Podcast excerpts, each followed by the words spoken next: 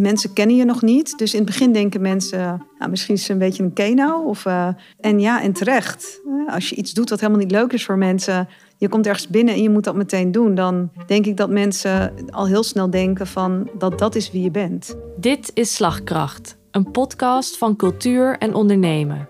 Mijn naam is Rinke Vreken. In Slagkracht hoor je iedere aflevering een persoonlijk verhaal van een zakelijk leider, marketeer of een andere ondernemende professional in de culturele of creatieve sector. Een verhaal over een belangrijk moment in hun carrière. In deze aflevering hoor je het verhaal van Femke Monaghan van Wachem. Ik ben Femke Monaghan van Wachem en ik werk bij de Bali als zakelijk directeur. De Bali produceert programma's rond de actualiteit van kunst, cultuur, politiek en maatschappij in Amsterdam. Ik heb het zelf ook wel eens meegemaakt bij, bij mezelf. Dus ik weet gewoon uh, dat je het gevoel hebt dat je leven voorbij is. Uh, mijn wereld brak echt. Dus ik, ik brak echt. En ik, uh, ik dacht ook dat het nooit goed zou komen. Wat doe je als een crisis je dwingt om te reorganiseren en je moet bezuinigen op de salarissen van collega's die je net hebt leren kennen? Je hoort het in deze aflevering van Slagkracht.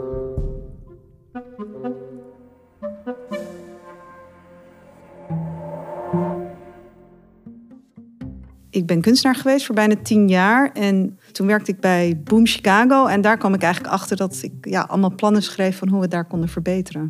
Toen besloot ik om uh, bedrijfskunde, business administration te gaan studeren. Toen ben ik bij het Scheepvaartmuseum gaan werken als hoofdsales. Ja, gewoon hele grote omzetten. Um, eigenlijk het, echt het commerciële tak. Ik was er denk ik niet helemaal op mijn plek. Um, er werkten enorm leuke mensen, maar ik miste heel erg de creatieve mensen. Ik had mij niet zo goed beseft dat dat eigenlijk wel mijn inspiratiebron is en was. En toen ben ik verder gaan kijken en ik kreeg eigenlijk van de nicht de functie bij Comedy Train Tumblr uh, opgestuurd. Het was ontzettend inspirerend om met comedians te werken. Dat zijn, ja, net als kunstenaars, ontzettend creatieve geesten. Heel erg anarchistisch. En zij zijn dus enorm goed om een gesprek aan te gaan en met een paar vragen eigenlijk te weten hoe jouw partner is en wat voor gezin je zit, zonder dat je het bijna door hebt. En sommige comedians deden dat wel, die ondervroegen mij dan. En dan na een uur zei ze: Je bent met zo'n soort man getrouwd. Dit is de manier hoe je opvoedt. En dat ik altijd echt dacht: jullie hebben gewoon helemaal geen interesse gehad. Jullie wilden gewoon. Dit vond, ja, daar heb ik wel heel veel van geleerd. Over de psyche van de mens. Het omgaan met hele moeilijke persoonlijkheden die super intelligent zijn en manipulatief omdat ik het heel goed kan gebruiken nu eigenlijk. Ja, daar, daar kon ik echt dag en nacht werken. Zo leuk vond ik het. Toen ik bij Comedy Train werkte, ehm, heb ik dat tot het einde met heel veel plezier gedaan. Maar het laatste half jaar merkte ik dat het, het ehm, dingen veranderen of oppakken me heel veel moeite ging kosten. En dan voel ik gewoon aan, ik moet ehm, eigenlijk eh, ruimte maken voor iemand anders die dit kan oppakken. Dus ik had toen heel erg het gevoel, toen ik binnenkwam, dat ik heel veel voor, uh, ja, samen met iedereen die er werkt, uiteraard, en comedians, veel voor elkaar heb gekregen. Dingen heb veranderd. Hoog, uh, groot eigen vermogen neergezet. Um, dingen heb neergezet waarmee ze verder konden. En dat ik de volgende stap om dan, um, hoe ga je verder als club, dat ik de energie niet kon ombrengen om weer die verandering in te gaan. En ik denk als je dat aanvoelt, um, dat je dan, um, als je een goede directeur bent, moet gaan. Ik was natuurlijk gewoon aan het kijken, maar ik was niet uh, elke dag op zoek of zo. Want ik had het prima naar mijn zin bij Comedy Train ja, ik wist eigenlijk in het gesprek hier die ik had al heel snel. Als je ziet wat de Bali doet, dan uh, heb je echt het gevoel dat je bijdraagt aan iets goeds, iets cultureels. Uh, alle programmering wordt zelf gemaakt, de makers zitten in huis. En dat betekent dat je heel veel in aanraking komt met de inhoudelijke tak. Ik kan gewoon enorm goed omgaan met creatieve geesten, daar voel ik me thuis. Ik begon hier in februari 2020 toen ik binnenkwam heb ik vooral heel veel geobserveerd, heel veel geschreven. Je moet ook niet veel schrijven, want dat lees je niet terug. Maar schrijven betekent eigenlijk onthouden. Dus als je iets opschrijft, dan maak je een soort mental note. Als je bijvoorbeeld bij een vergadering zit en het valt je op dat uh, mensen uh, drie keer over hetzelfde uh, opmerken, dat je dat opschrijft. Waarom wordt dit, komt dit elke keer terug? Is dat slim? Of in de horeca, word je begroet of niet? Bij programma's kijken, hoe ziet de zaal eruit? Hoe gaan mensen met elkaar om? Je merkt heel erg of, of mensen op eilanden werken of juist heel erg samenwerken. Dus dat observeer je. Ook wat wordt er tegen elkaar gezegd? Waar gaan de onderwerpen over? Wat voor type mensen werken hier eigenlijk? Cijfermatig ga je meteen kijken, wat zijn de marges hier? Waarom zijn de marges zoals zijn? En niet zozeer als je bijvoorbeeld een lage marge hebt, dat je meteen denkt, hé, het is veel te laag. Nee, dan kijk je, oké, wat voor een horecabedrijf is het? Zijn er piekuren, daluren? Hoe, hoe lang zijn de diensten? Nou, dat kan echt tot in detail. Kan je, wat is de inkoop? Uh, wat is de verkoopprijs? Daar kan je naar kijken. Ik begreep in het begin helemaal niet uh, financieel alles wat er was. Want dat zou je denken, je bent financieel directeur. Ja, en daar proberen niet van te schrikken. En dan ook kijken, is het veel te complex misschien? Of uh, ja, Juri Albrecht zat hier al. En ik, ja, we hadden eigenlijk heel goed contact, heel snel. Omdat ik heel veel vragen kon stellen. En als ik ergens niet uitkwam, dan, uh, dan had ik iemand om uh, vragen te stellen.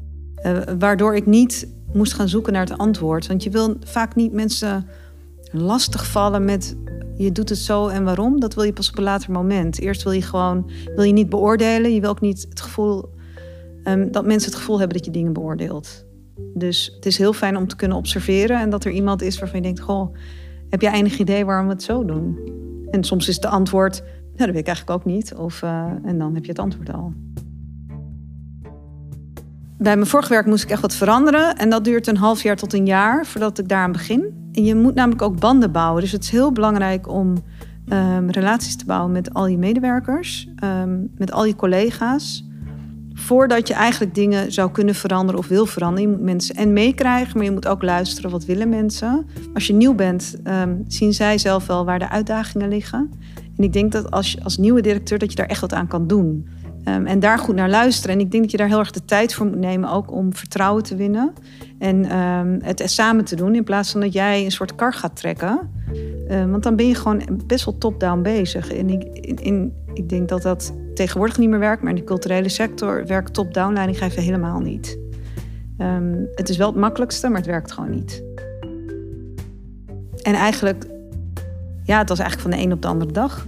Dus ik kwam eigenlijk binnen had een beetje rondgekeken en gesnuffeld. En toen uh, gingen we bijna op lockdown.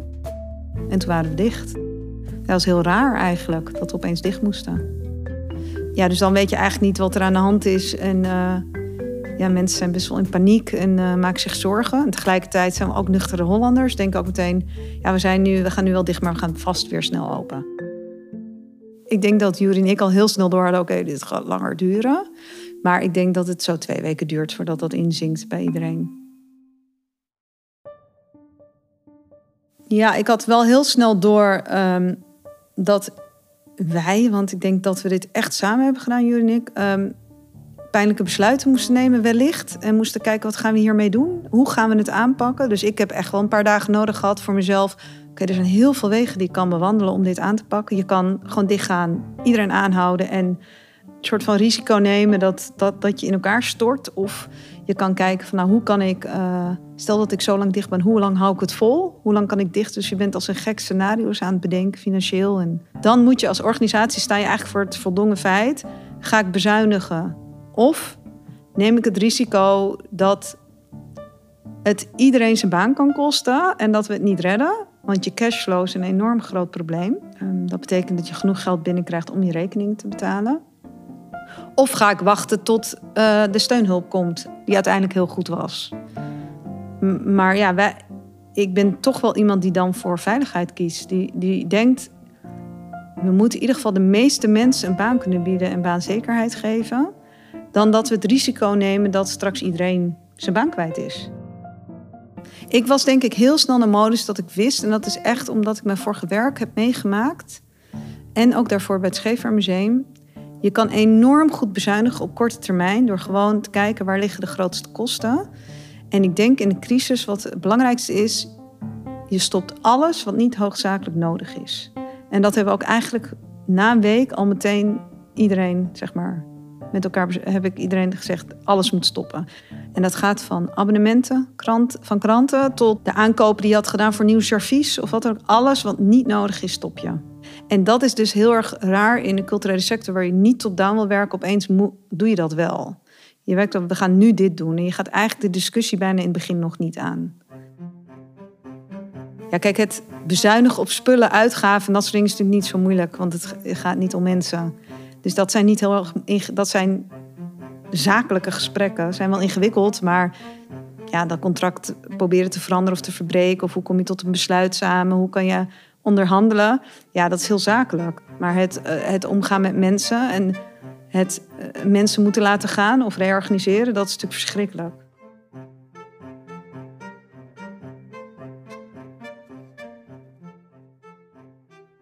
Bij de Bali hadden we ruim 100 collega's. Uh, dat zijn er nu een, wat, iets meer dan 70. Dus dat is een enorm verschil, sowieso nog steeds. Daar zitten veel horecamensen bij en parttimers. Je weet al heel snel, contracten die aflopen kan ik niet verlengen. Ik heb geen, geen geld wat binnenkomt. en er, ja, onze grootste kostenpost zijn mensen. Dat betekent dat het salaris het hoogst is bij ons. Wij leveren een dienst. Bij ons maken mensen wat we maken. Maar dat maakt deze besluit ook enorm moeilijk. Want je hebt je mensen nodig. Je, je weet dat je tijdelijk contracten niet kan verlengen. Dat dat niks met de kwaliteit van de mensen te maken heeft. Je hebt veel nulurencontracten van mensen die lage, ja, minder salaris hebben binnen de horeca. En je hebt natuurlijk afdelingen waar gewoon geen omzet wordt gedraaid. Ehm, waarin je mensen moet laten gaan. Ja, dat is gewoon verschrikkelijk. Maar dat, daar lig ik wel wakker van. Wat ik weet uit het verleden zijn meerdere zaken. Eén is dat als je weet dat je reorganiseert of je moet mensen laten gaan en je weet dat dat gaat, zich gaat terugverdienen omdat je dan overeind blijft, of dat dingen beter worden, um, um, dan weet je dat dat punt op de horizon er is. En je weet dat het drie tot zes maanden afschuwelijk wordt op het werk, dat de, dat de sfeer er niet beter van wordt en dat je mensen echt wat aandoet. Uh, maar je weet dat je de punt op de horizon dat je dat moet doen. Dus je moet een pijnlijk besluit maken wat dan een, betere uitkomst uiteindelijk heeft. Tot het feit dat je het moet doen. Ik denk dat je het een beetje verdrinkt in het begin. Oké, ik, als leidinggever besef me dat um, het uh, laten gaan van mensen of afscheid nemen van mensen, uh, dat je daar wakker van ligt, dat dat heel goed is. Dat betekent namelijk dat je dat je het niet makkelijk vindt en dat het pijn doet. Uh, anders zou je echt een ongevoelige leider zijn. Dus ik zie dat als iets positiefs. Op dat moment is het verschrikkelijk, maar dat achteraf vind ik dat heel prettig dat ik het niet leuk vind. En als je het uh, doet, is het niet leuk. En er is eigenlijk, er zijn goede manieren om het te doen, maar tegelijkertijd ook weer niet. Um, als je het direct zegt, dan willen mensen eigenlijk altijd, ja, maar waarom ben ik niet voorbereid dat het gebeurt? Um, als je een groep mensen laat gaan, dan zijn er heel veel mensen die zeggen: maar waarom zijn we niet daar meegenomen dat het gaat gebeuren? Dan laat je mensen gewoon heel lang in angst. Van ja, wie wordt het dan? Word ik het? Dus ik heb niet het idee, ik denk dat de angel eruit halen in één keer beter is, maar dat op dat moment nog afschuwelijker is. Dat je dat als leidinggevende heel goed beseft, dat het voor iemand heel vervelend is en dat jij de, de, dat iemand jou als uh, schuldige ziet. Dat moet je heel goed beseffen en dat moet je ook kunnen dragen. En dat moet je ook tegen iemand kunnen zeggen of laten voelen dat dat oké is. En dat je gewoon altijd beseft, het is voor de ander veel erger dan voor jou. Want de ander die moet gaan en jij niet. Ik heb het zelf ook wel eens meegemaakt bij, bij mezelf. Dus ik weet gewoon uh, dat je het gevoel hebt dat je leven voorbij is. Um, mijn wereld brak echt. Dus ik, ik brak echt. En ik, um, ik dacht ook dat het nooit goed zou komen. En achteraf leer je daar ook van dat je anders zou reageren de volgende keer. Uh, hoe je daar dan mee omgaat. En dat je ook eigenlijk wel merkt, en dat is natuurlijk heel moeilijk uit te leggen, dat je ook wel weer je weg vindt of een betere weg. Dat is natuurlijk niet altijd zo. Soms is dat wel zo. Omdat ik bij de balie zo snel moest bezuinigen en reorganiseren, heb je nog niet een band met mensen opgebouwd. In ieder geval een werkrelatie. Heb je nog niet het vertrouwen gewonnen. Dus ik voelde wel dat het meer top-down was dan dat ik zou hebben gehad als ik er altijd zat. Je hebt mensen kennen je nog niet. Dus in het begin denken mensen.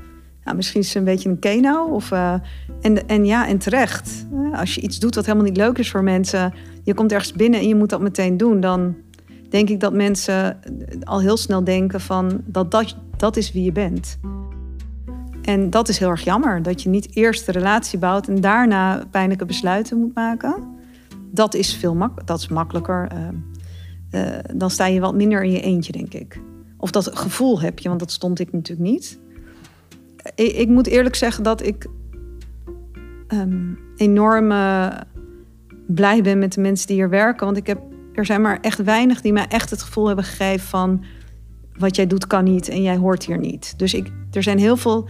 Ik was echt ehm, bijzonder uh, geraakt dat er echt mensen naar mij toe kwamen die zeiden van ja, ik heb er wel echt aan moeten denken hoe moeilijk dit voor jou moet zijn. Nou, dat heb ik echt nog nooit meegemaakt. Dus ik moet wel zeggen dat, ehm, dat ik bij de balie enorm verrast ben door de betrokkenheid en, en, uh, en, en de liefde die ik ook heb ontvangen. Dus dat, en dat heeft mij heel veel goed gedaan. Dat is wel echt de reden waarom ik hier ook met heel veel liefde werk.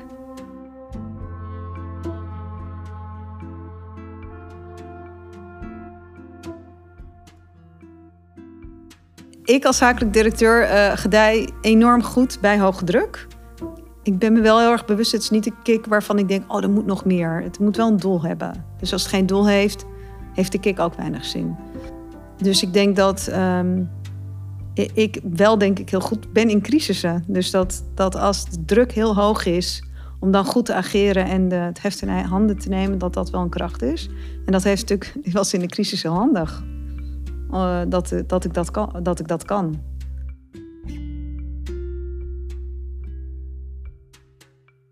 Ik kom van een commerciële organisatie. Ondanks dat het in de cultuursector is, is Comedy Train cultuur, maar met een, uh, van een commerciële kant. Dat betekent dat ze geen subsidie krijgen. Daar ook heel bewust voor kiezen om geen subsidie te willen. En ik natuurlijk nu in een organisatie zit waar er wel een uh, subsidies zijn. En ik ben erachter gekomen dat in die crisis dat het voor culturele organisaties heel ingewikkeld is.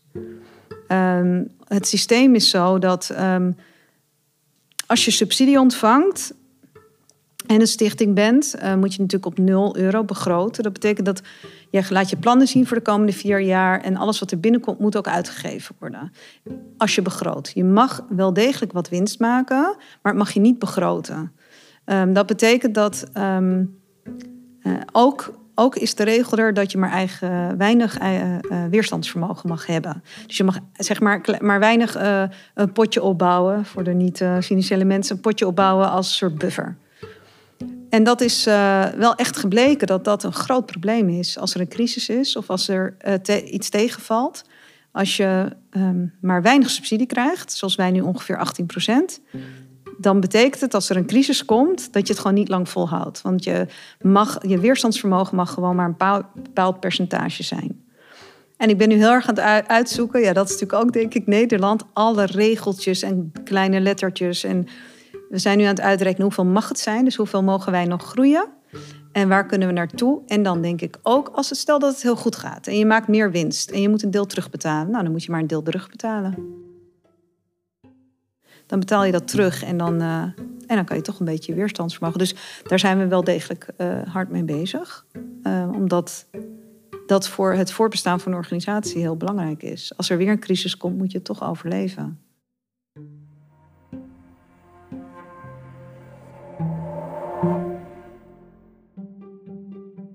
Slagkracht is een podcastreeks van cultuur en ondernemen. De reeks is onderdeel van het ontwikkelprogramma Slagkracht, waar je als zakelijk verantwoordelijke handvatten krijgt aangereikt om je te professionaliseren binnen de zakelijke kant van de culturele en creatieve sector. Volg Slagkracht in je favoriete podcast-app en blijf op de hoogte van nieuwe afleveringen. En kijk voor meer informatie over het programma op cultuur-ondernemen.nl/slash slagkracht. Concept, productie, interview en edit zijn van mij, Rinke Vreken. De muziek is van Blue Dot Sessions en de mixage en master zijn gedaan door Bas van Win en Jeroen Jaspers van Nozem Audio. Met dank aan Karen de Meester, Sanne Wiltink en Koen Balkenstein.